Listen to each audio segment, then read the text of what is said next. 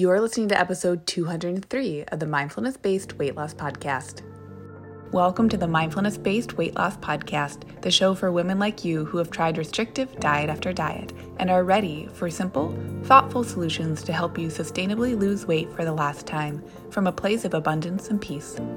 If you're looking to end the yo yo of comfort eating and rigid weight loss protocols and instead step into living your life mindfully on your terms while losing weight in the process, you're in the right place. Hey, party people. I am so glad that you've joined me for today's episode. I hope you're doing great. I am doing so well. I am coming off of just such a lovely week. I had my mom come into town and she stayed with us. And we honestly just had such a nice time together. The days flew by, which, you know, I feel like that's a sign of a really lovely trip and visit is when the time is just flowing and by the end of it you're like, "No, the end has come too soon." Versus, you know, maybe other experiences where you're like, "Okay, I'm ready for this to be done." So, it was just so great we had a really nice mix of getting out and showing her Portland and other surrounding areas in Oregon and also up in Washington too, and eating some really yummy food at tasty restaurants and food carts, and just showing her, you know, the, the beauty that is Portland in the spring and then we also, there was some weather a couple of days that were rainier and actually it snowed here. So we had some, like a decent amount of time inside together, which was super cozy. Um, and we made really delicious food and completed a puzzle, taught each other some new games. So just so happy. And my cup is so full. Um, my mom was actually going to come visit in April of 2020. So this trip really felt very full circle and like it finally got to happen. So just so wonderful for me personally this last week. And anyway, I hope the episode is finding you well, whether you're listening on a walk, you're exercising, you're at home, maybe you're driving, you're listening while you're doing the dishes, whatever you might be doing. Today's episode is really, really good.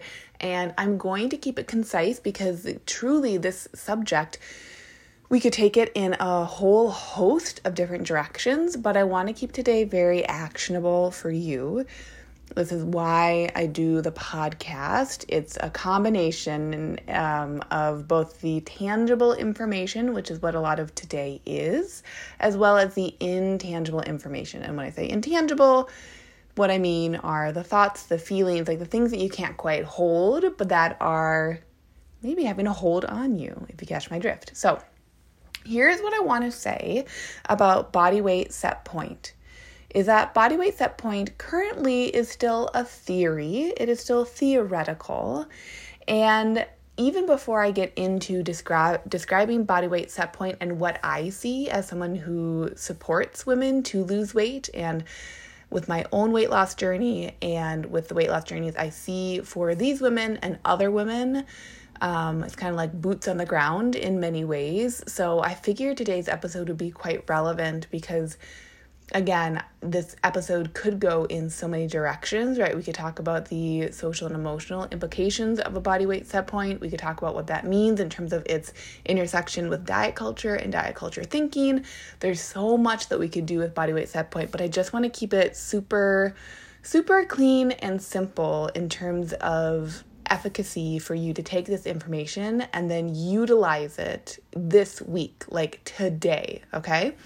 So, body weight set point is a theory, and there are also a few other theories. And I'm going to link a really wonderful article in the show notes that describes in detail, and I think really great detail. I've read it a few times before, and I really like it as a resource that describes not only body weight set point, but then these other three um, theories as well. So, in addition to body weight set point, which is basically just saying that like your body beyond calories in, calories out is going to be attempting to and trying to defend a certain weight or weight range. And so, of course, for someone who's looking to lose weight, this can then make that feel more difficult because it can feel like your body is either working against you as you're trying to lower your weight or also, if you're someone who's trying to gain weight, that it's also working to keep your weight at that certain range in terms of the scale weight. So that's body weight set point in a, very much in a nutshell. Um, but there's another theory that I just want you to hear because I think body weight set point gets so much of the attention, and I think it's really great to remember that it is still only theoretical and that there's more nuance can, that can be added to it. So, one additional theory that adds a little bit more set um, that adds a little bit more nuance to body weight set point is body weight settling point theory. So instead of set point, it's settling point. And the beauty of body weight settling point, again, if you want to read more about it, go to the article that I'm going to link in the show notes because you'll get a really great, more informative description there. Body weight settling point actually incorporates more social and environmental factors in its discussion, in its theory about why one's body might be choosing to settle versus being strictly set, but settle at a certain weight. And of course, when those social environmental factors are added in or taken out, that can then affect how the body settles at a weight that it's trying to maintain as a homeostasis. So there are two other um, theories. One is general intake model, which again I want you to go read that paper to understand more of. But the the fourth one that I just want to offer a bit of a description on because it's quite frankly one that I find really humanizing is the dual intervention point model. And again, that's in the paper as well. But what I like about the dual intervention point model is that it integrates upper and lower boundaries to a set point as well as a settling point. And it kind of adds another level of nuance because it also incorporates the social and environmental factors that body weight settling point theory um, brings up.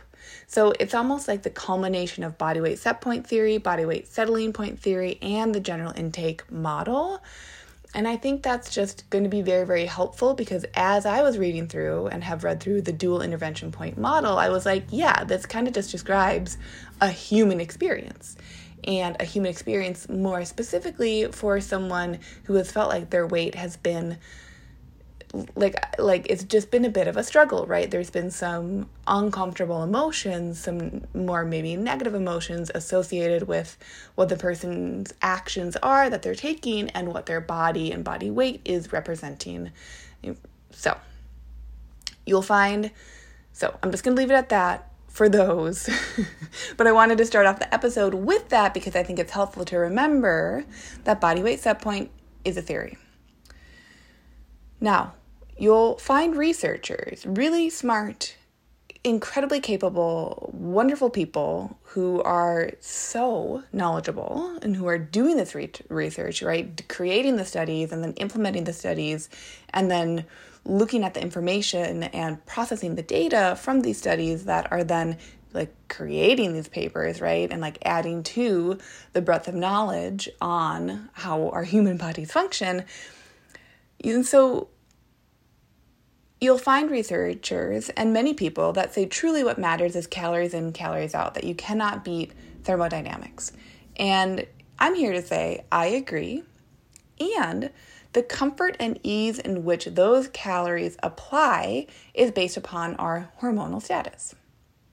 And so, what I find in practice, right, in my practice of re- running Lean and Liberated, of supporting clients to lose weight, right, of meeting with them week after week, of seeing them apply not only the emotional tools, of course, but actually truly tangibly, like choosing foods that support them to lose weight, what I find in practice is that easeful, simple weight loss occurs for those, and again, here's my caveat for those who tend to have, have had recurrent weight issues, okay? This is not for the lovely person who perhaps simply just needed information about general caloric intake. And once they had that information, then the weight dropped off. This is not the discussion for them, okay? This is for those who have tended to have recurrent weight issues.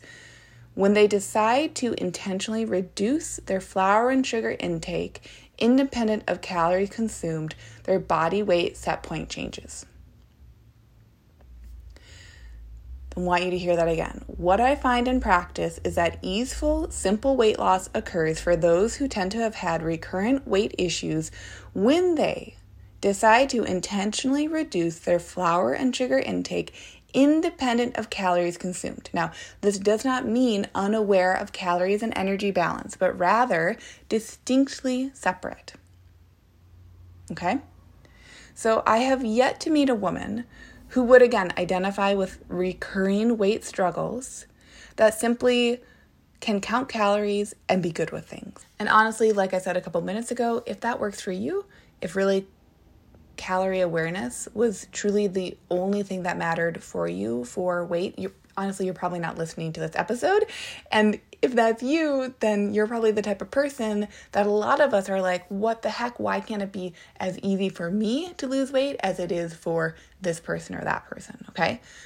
But if you identify with the experience of over desiring food, of overeating and feeling like binging on food is easy for you, and at the same time, when you restrict, the weight doesn't come off, I really encourage you to consider taking a break from flour and sugar for a minimum of two weeks and then reintroducing them as intentional add ins, maybe a couple of times per week. Yes, per week. You heard me right.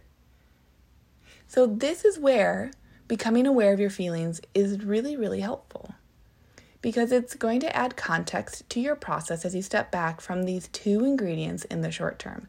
And I will also link to my episode where I talk about flour and sugar, I talk about what those are doing in the body. I'm going to again also link to my episode on insulin resistance and leptin resistance because those are going to add the wonderful plethora of additional context as to why it is that flour and sugar are difficult for anyone's body to be processing, but also why they're completely neutral in terms of foods that are coming in, and why it can be so powerful to take a break from them and from that place of that break, then intentionally add them back in as you're noticing without being in reaction, but instead being in reflection, which is all that you're really doing when you're learning to process your thoughts and feelings.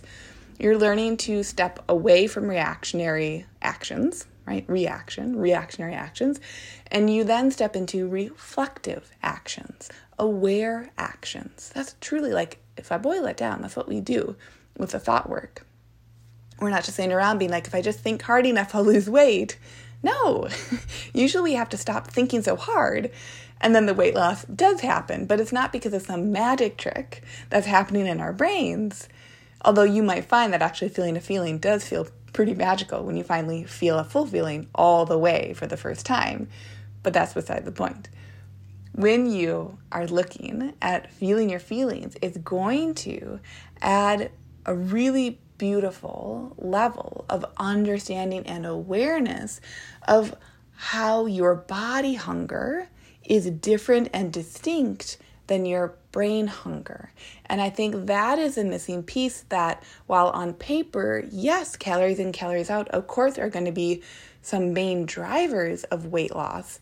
Nutrition, hormonal status, hormonal balance are, and by nutrition, I mean like the nutrients and nutrient density of our foods, these do have to factor in, and they are going to factor in independently of calories in terms of the ease of application and the ease of repeated, consistent application when it comes to your desire for foods and your ability to be in charge of shifting from that over desire that feels like it's just happenstance right? Like I when I think back to when I was 80 pounds heavier, it did not feel like a choice for me to stop eating, right? And it also felt like, oh, if I'm just eating to my satisfaction, why is it that it takes more food to be satisfied? And also, why is it that it seems like when other people decide to eat more food, their bodies just readily burn it off, right? Their their metabolism just kicks in, they get hotter, they pant. I've literally seen some people who would define themselves as having higher metabolic rates. They eat a high caloric meal and like they start to sweat. they pant. And it's like, what? That's not my body, yo. So taking into account the truly different factors that many of our bodies just have this is absolutely huge and crucial. And I think the number one difference. Like, I, I'm going to encourage you to listen to those different podcast episodes that I listed out because, again, I want this one to be short and sweet. I don't want this to be more than a 20 minute episode. But what I will say is that flour and sugar are so stressful on our bodies. And so, for those of us who might be more sensitive to stressors, like blood sugar fluctuations, right? Blood sugar levels that go up high and then crash down low and go up high and crash down low, on top of recruiting our adrenal glands to take care of that stressor when our blood sugar levels are low and the adrenals kick in to help recruit your body to get its insulin levels back into a balanced area, kind of what's happening is that that's a stress response 24 7. So, sure, some people that response might not be as stressful, or they might have more ability, or again, if you look at it like the settling point theory, if they have different social or emotional or environmental factors that are in support of their bodies being able to come into their own homeostasis more quickly, sure, their bodies might function more readily from a less stressed out standpoint. But for those of us who might have different considerations, whether it's being perimenopausal, menopausal, having a diagnosis, something like PCOS, polycystic ovarian syndrome, which is truly like just a very much tied to insulin levels and looking at your body from that standpoint, a lot of us are going to need to be more aware of our insulin levels and the foods that we eat are a huge impact to that, as well as sleep and stress. So it really is this triad that I want you to be thinking about. If you're like, yeah, I'm a woman who identifies with having a weight struggle, and it's not just my knowledge of calories, because I've done the calorie counting. It's not just me making totally sure that I'm, you know, always counting the, the tastes, the licks, the bites. It's not just the total grams of protein that I'm eating, right? Like, how many of you out there, and I raise my hand, how many of you have tracked all that stuff before? You've done your due diligence and you're like, the weight is just not budging. I feel like my hunger and my appetite are really dictating my body staying at this certain place. What I want to encourage you is that have you truly tried from a place of love versus a place of restriction and deprivation? And the difference between those two are the thoughts you're thinking, okay? But have you tried stepping away from flour and sugar from that place of, I wonder what my body would say when I take a break from those, versus these are bad foods, they're so bad for me, they make me gain weight, and that is bad because fat phobia and diet culture, like down with all that noise, okay? This is where I think the dialogue has to get really, really nuanced of saying, like, yes, and what is it that I'm curious about showing my body? You might have more of a sensitive system. And I, again, I raise my hand. What if that's okay? What if that's not a bad or negative thing?